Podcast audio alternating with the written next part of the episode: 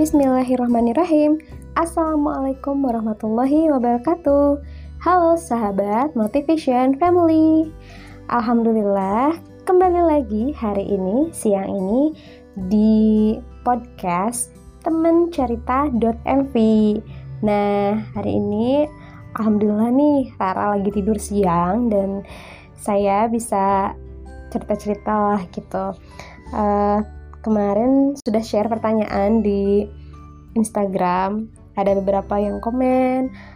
Katanya pengen bahas tentang salah satunya tentang baby blues. Kalau saya akan bercerita di sini berdasarkan pengalaman uh, ilmu yang saya pahami ya uh, dan beberapa apa ya ngelihat pengalaman teman-teman di sekitar atau di lingkungan gitu yang jadi pelajaran buat saya. Dan kalau apa ya di sini saya akan sedikit berbagi juga ya berdasarkan ilmu-ilmunya. Dan kalau misalnya teman-teman mau koreksi saya kalau saya salah atau mau menambahkan boleh ya nanti komen aja. Di sini kita berbagi pengalaman saling belajar ya gitu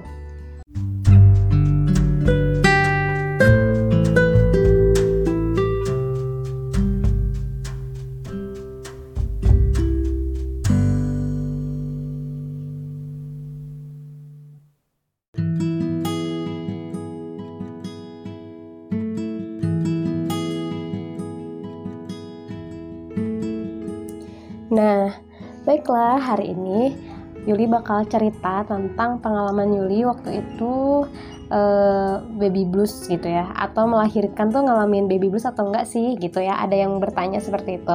Teh pernah ngalamin baby blues nggak waktu ngelahirin gitu? Uh, nah kalau pengalaman saya mungkin ya yang saya pelajari yang saya rasakan gitu ya. Kayaknya sih uh, mungkin beberapa wanita akan baby blues tuh bisa ceweknya ya dan bisa cowoknya gitu bisa suaminya atau istrinya gitu ya setahu saya. Jadi baby blues di sini sih lebih ke kan kondisi kita tuh awalnya yang kayak apa ya pasti perubahan psikologi kita perubahan apa mental kita yang tadinya misalnya biasa tidur biasa tidur nyenyak 8 jam gitu ya nggak ada yang ganggu tiba-tiba uh, harus terjeda-jeda satu jam sekali bangun. Bukannya maksudnya terganggu juga ya tapi memang sedikit berubah ya. Jadi ya mungkin ya uh, sedikit ya terganggu mungkin ya bahasanya gitu. Cuman ya kita balik lagi gitu ketika anak itu lahir kan berarti kita udah harus siap dengan amanah itu. Nah ketika kita mengalami baby blues bisa jadi nah kesiapan itu tuh belum 100% jadi masih merasa duh terganggu nih. Duh gimana ya ini? Duh nggak biasa kayak gini lah kayak gitu kurang lebih. Dan mungkin tiap orang ada yang uh, adaptasinya cepat ada yang adaptasinya lama gitu. Kalau uh, bentar ya saya googling dulu sebentar. Kalau baby blues secara secara ilmu-ilmu di kedokteran ya di Google. Sebentar. Baby blues. Baby blues adalah ya. Jadi tuh di Google aja kayak gini, sekitar 80% wanita yang baru melahirkan mengalami baby blues. Walau gejalanya kadang terlihat sepele, baby blues bisa berdampak negatif bagi ibu maupun bayi yang harus segera ditangani. Nah, baby blues merupakan gangguan suasana hati eh, setelah ibu melahirkan. Kondisi ini menyebabkan ibu meras mudah sedih, lelah, lekas marah, menangis tanpa alasan yang jelas, mudah gelisah, dan sulit untuk dan sulit untuk berkonsentrasi. Baby blues dapat dimulai sejak minggu pertama setelah melahirkan dan umumnya bertahan hingga dua minggu. Keluhan memang tidak terus-menerus dirasakan, melainkan hilang timbul. Walaupun begitu, keluhan ini harus diatasi dengan baik agar tidak berkembang menjadi depresi pasca melahirkan atau postpartum depression. Jadi eh, ujungnya jadi depresi gitu ya. Nah, ini menurut Allah dokter ya. Jadi baby blues itu yang memang saya rasakan dan saya baca-baca gitu yang ketahui lewat uh, artikel-artikel jadi baby blues itu bisa di apa ya terjadi karena memang adanya perubahan hormon nih kata awal dokter juga gini jadi perubahan hormon yang cukup drastis, yaitu hormon estrogen dan progesteron dalam tubuh akan menurun. Hal ini dapat menyebabkan perubahan kimia di otak dan memicu terjadinya perubahan suasana hati atau mood swing. Karena kan, hmm, apa? Ya, apa ya? Namanya juga melahirkan kan ada apa ya proses biologis kan dalam tubuh kita. Jadi pasti ada yang berubah. Nah itu yang pertama. Jadi kalau baby blues itu bukan tentang iman saja ya. Jadi kan ada yang juga suka bilang oh baby blues imannya aja nggak kuat. Kayak ada yang kayak gitu. Jadi benda-benda mohon kita di sini untuk saling menguatkan.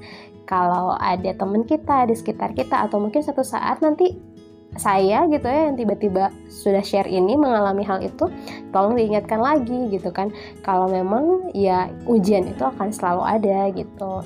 Dan mungkin nanti juga bunda-bunda yang mungkin, ke, awalnya belum pernah nih baby blues eh tiba-tiba baby blues. Nah harus minta bantuan orang lain juga gitu dan bantuan Allah tentunya gitu untuk dikuatkan gitu.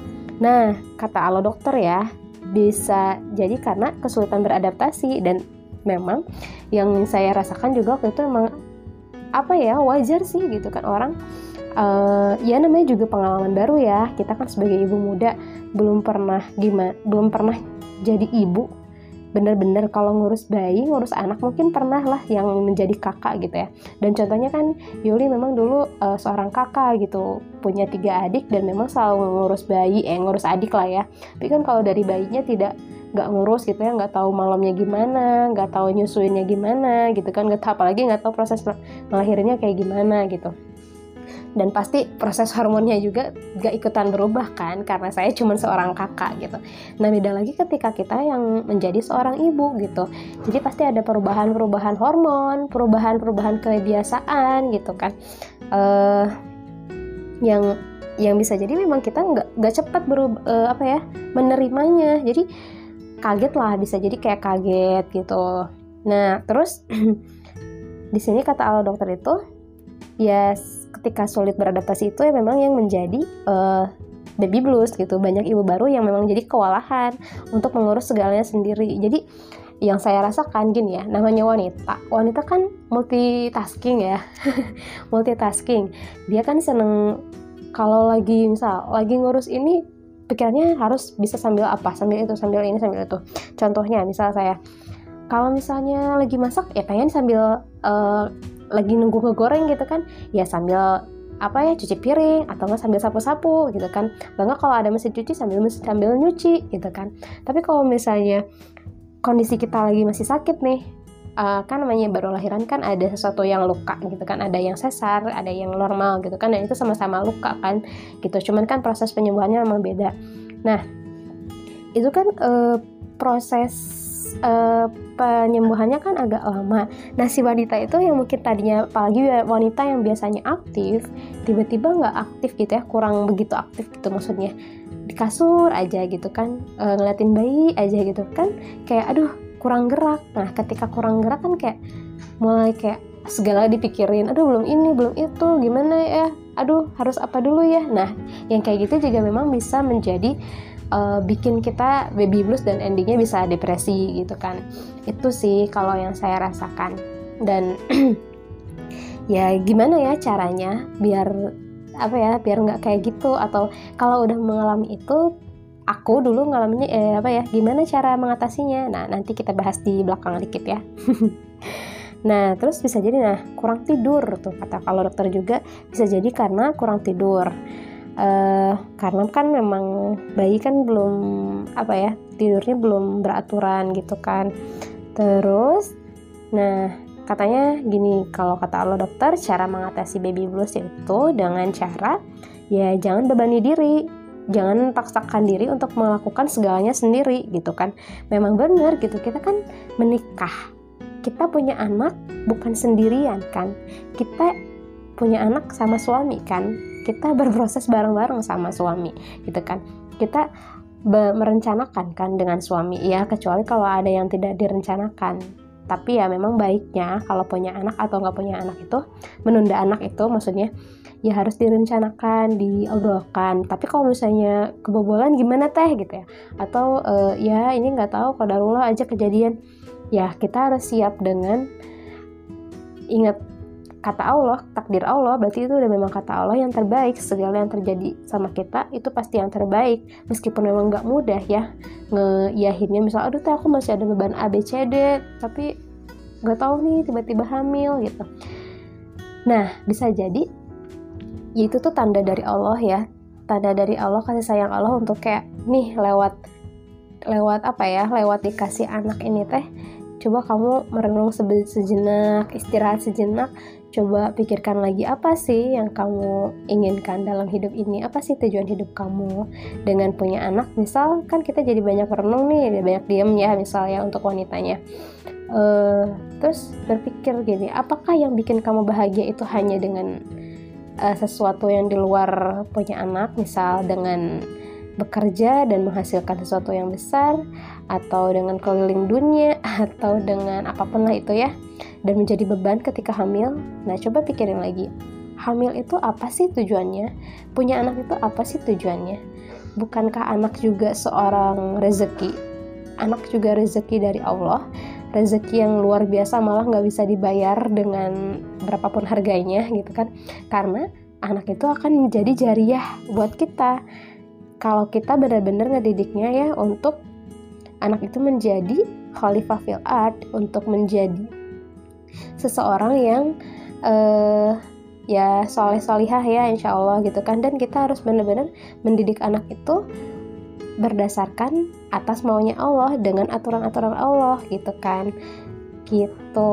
Jadi kita juga harus mensyukuri ketika punya anak. Alhamdulillah di luar sana banyak ada yang nggak punya anak. Uh, atau di luar sana ada yang susah, ada yang lama gitu kan. Jadi sini tiba-tiba dikasih atau enggak ya tiba-tiba tahu-tahu udah berapa bulan gitu kan. Ya itu alhamdulillah harus kita syukuri gitu kan. Uh, meskipun memang misal kondisi kitanya lagi nggak siap nih, ya itu harus balik lagi. Coba di apa ya turunkan ekspektasi kita untuk hal lain lalu kita syukuri dengan apa yang sudah Allah titipkan saat ini gitu jadi kadang kita kan yang bikin kita stres itu apa ya menginginkan sesuatu yang belum Allah titipkan jadi kita suka berpikir kayak gini udah aku tuh pengen A dulu atau kenapa harus B dulu? Nah mungkin memang uh, sama Allah dibelokin dulu nih. Nih buat kamu rezekinya B dulu biar nanti bisa menopang jalan untuk A, B, C, D dan lain-lain lah. Kayak gitu deh teman-teman gitu ya. Uh, Selanjutnya, kata al dokter ini ya, saya ambil sumbernya dari kesehatan ya.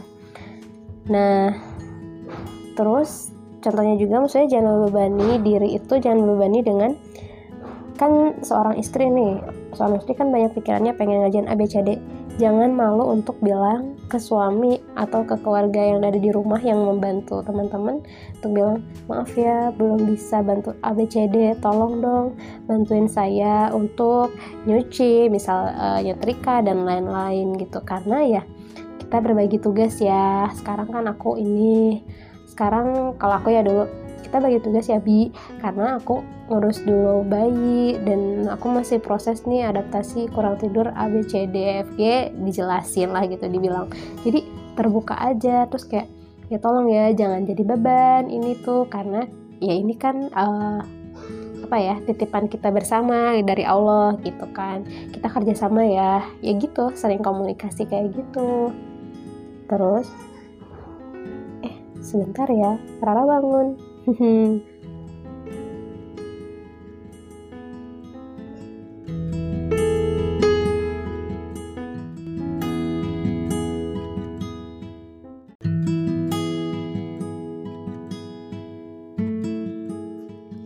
Bismillahirrahmanirrahim. Assalamualaikum warahmatullahi wabarakatuh. Selamat pagi. Selamat datang kembali di temancerita.mv Halo, mohon maaf ya, saya baru mau lanjutin lagi nih part selanjutnya tentang baby blues. Apa kabar nih teman-teman semua sebelumnya? Semoga selalu dalam keadaan sehat walafiat. Baik, eh, saya akan lanjutkan cerita baby blues kemarin ya. Kemarin kita sudah bahas tentang cara mengatasi baby blues eh, sampai ke tahap yang jangan bebani diri.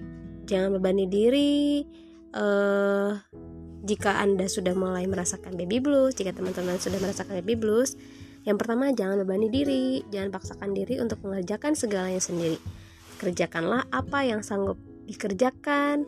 Kalau ngerasa kewalahan ya cobalah berbagi dengan suami uh, atau dengan saudara yang ada di rumah lalu yang kedua teman-teman harus tidur yang cukup. Pastikan waktu tidurnya tercukupi dengan baik. Manfaatkan waktu tidur si kecil untuk anda juga tidur. Nah kalau misalnya gini dan uniknya kan kita juga ada mitos-mitos ya di Indonesia ini. Katanya kalau tidur siang itu nggak boleh. Nanti bisa bikin darah putih gitu ya. Nah kalau teman-teman yang tahu itu mungkin bisa jadi malah galau gitu. Mau tidur siang tapi katanya nggak boleh gitu. Pengalaman saya alhamdulillah saya waktu itu tanya juga ke bidan yang menangani saya. Beliau uh, juga sudah berpengalaman puluhan tahun di dunia kebidanan dan ya mungkin sudah senior juga di uh, Rumah Sakit Al Islam Bandung katanya begitu. Uh, saya tanya, Bu boleh nggak kalau tidur siang? Katanya nggak boleh, nanti ada darah putih gitu. Itu maksudnya apa ya Bu? Enggak kok, boleh aja tidur tidur aja. Neng kan kalau malam ikutan bangun, kurang tidur. Nanti kalau Neng kurang tidur, stres, nanti ikutan uh, apa ya asinya menurun gitu katanya. Terus ya alhamdulillah ya awalnya juga saya takut ya, uh, karena ya saya dikasih tahu mama karena pengalaman mama ya pengalaman mama saya kan dulu gitu.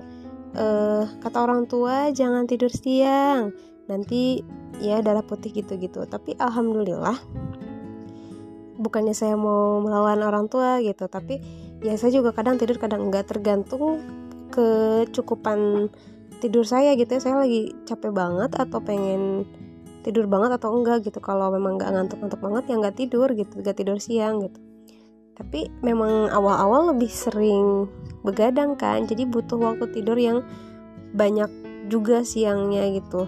Selagi kerjaan rumah sudah selesai ya saya juga tidur gitu ikutan tidur.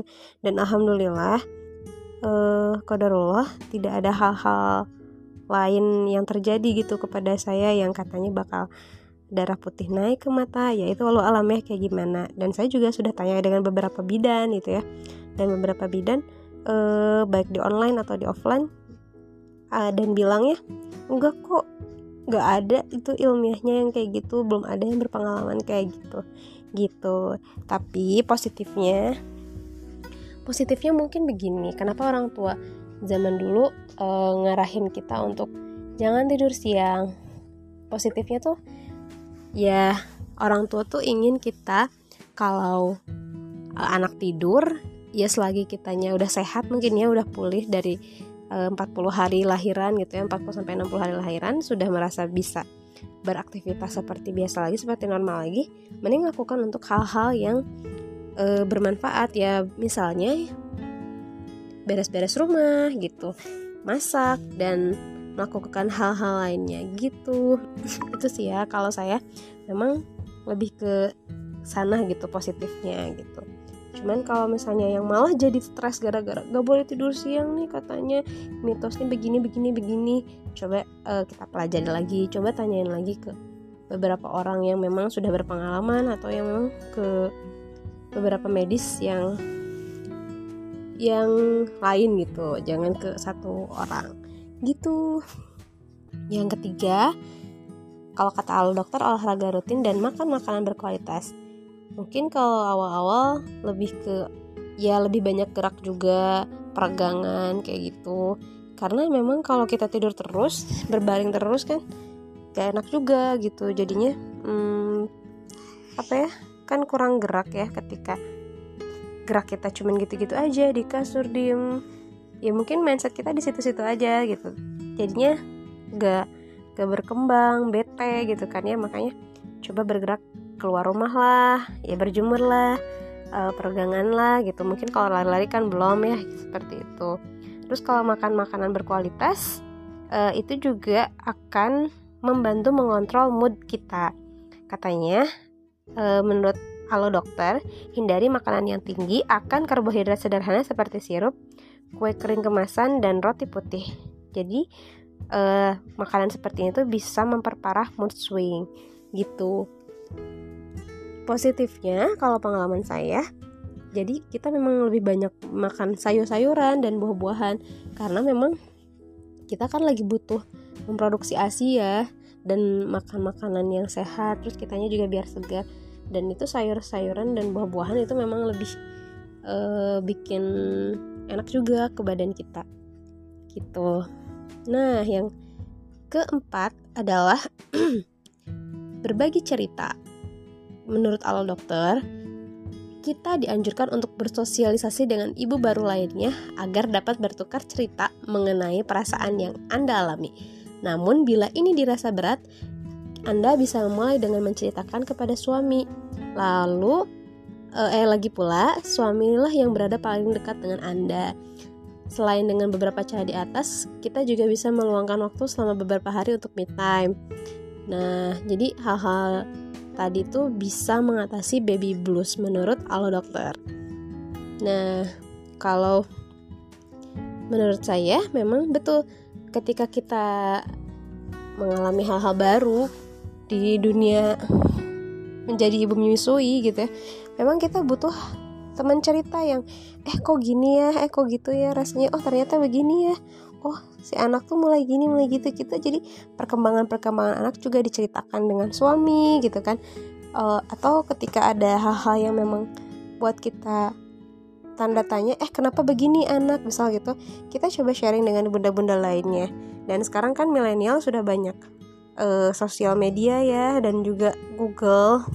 Cobalah pilih-pilih uh, masuk ke grup atau follow orang-orang yang memang memberikan hal-hal positif gitu. Dan contohnya saya alhamdulillah baru tiga hari lahiran waktu itu ada temen yang ngasih tahu grup tentang ibu menyusui di Bandung. Dan itu uh, ya Islami juga gitu. Dan di situ banyak saling mensupport mensupport juga untuk uh, ibu-ibu muda gitu.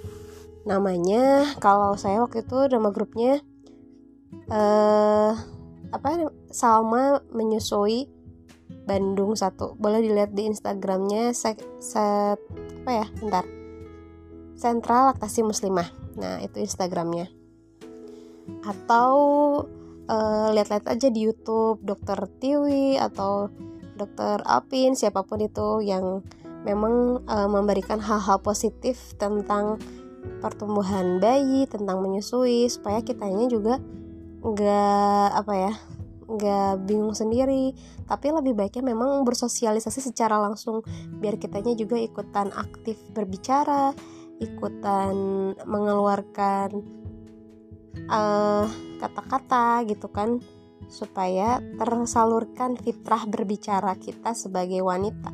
Karena wanita kan butuh beribu-ribu kata yang keluarkan setiap harinya. Dan itu bisa mengurangi stres kita loh dengan kita berbicara dengan kita banyak berbicara ya tapi e, diusahakan kita bisa berbicaranya yang positif-positif gitu.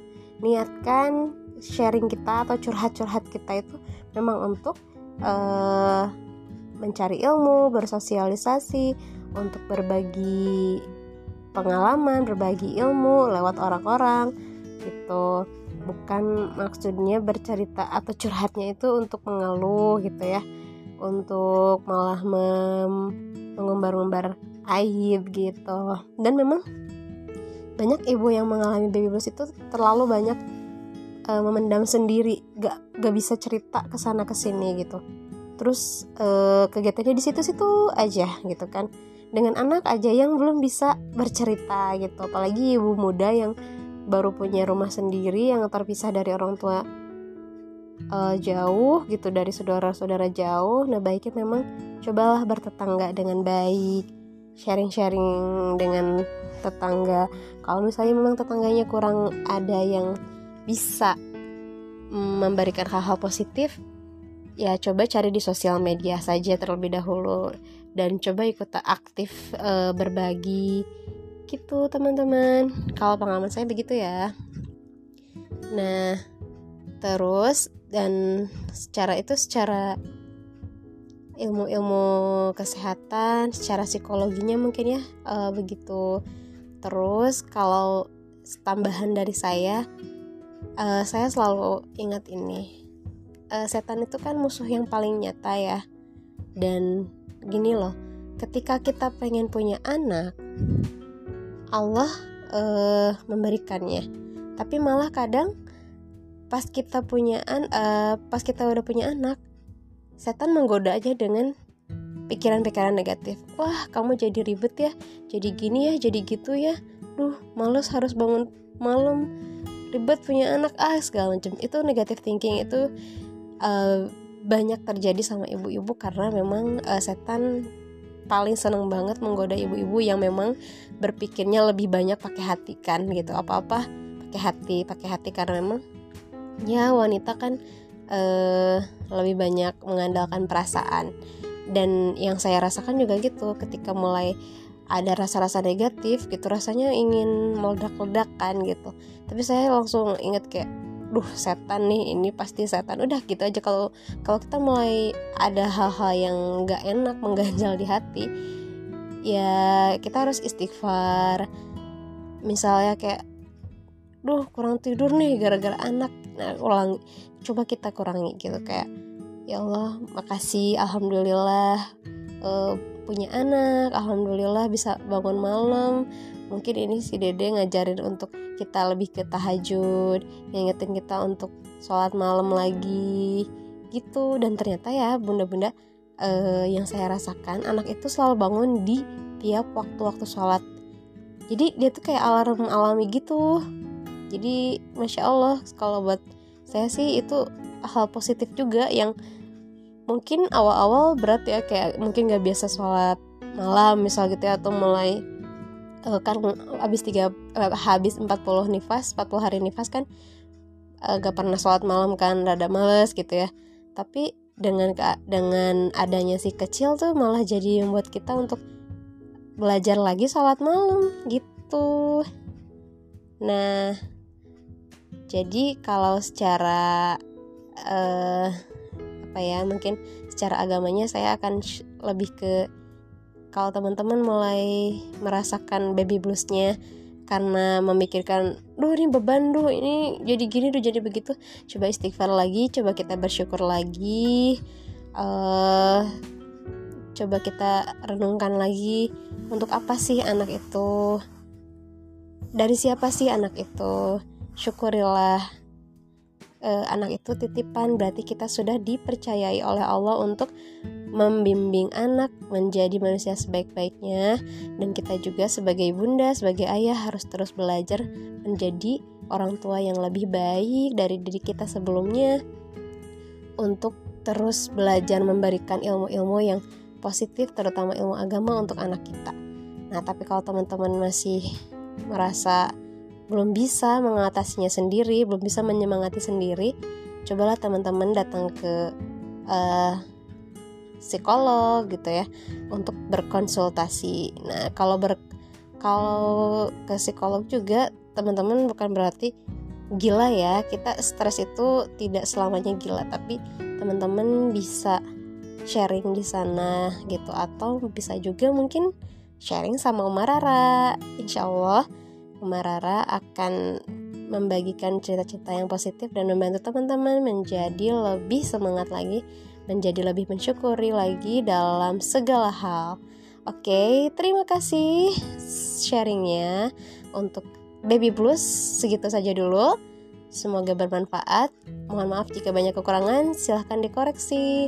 Terima kalau ada kekurangan atau kesalahan silahkan dikoreksi ya. Terima kasih. Wassalamualaikum warahmatullahi wabarakatuh.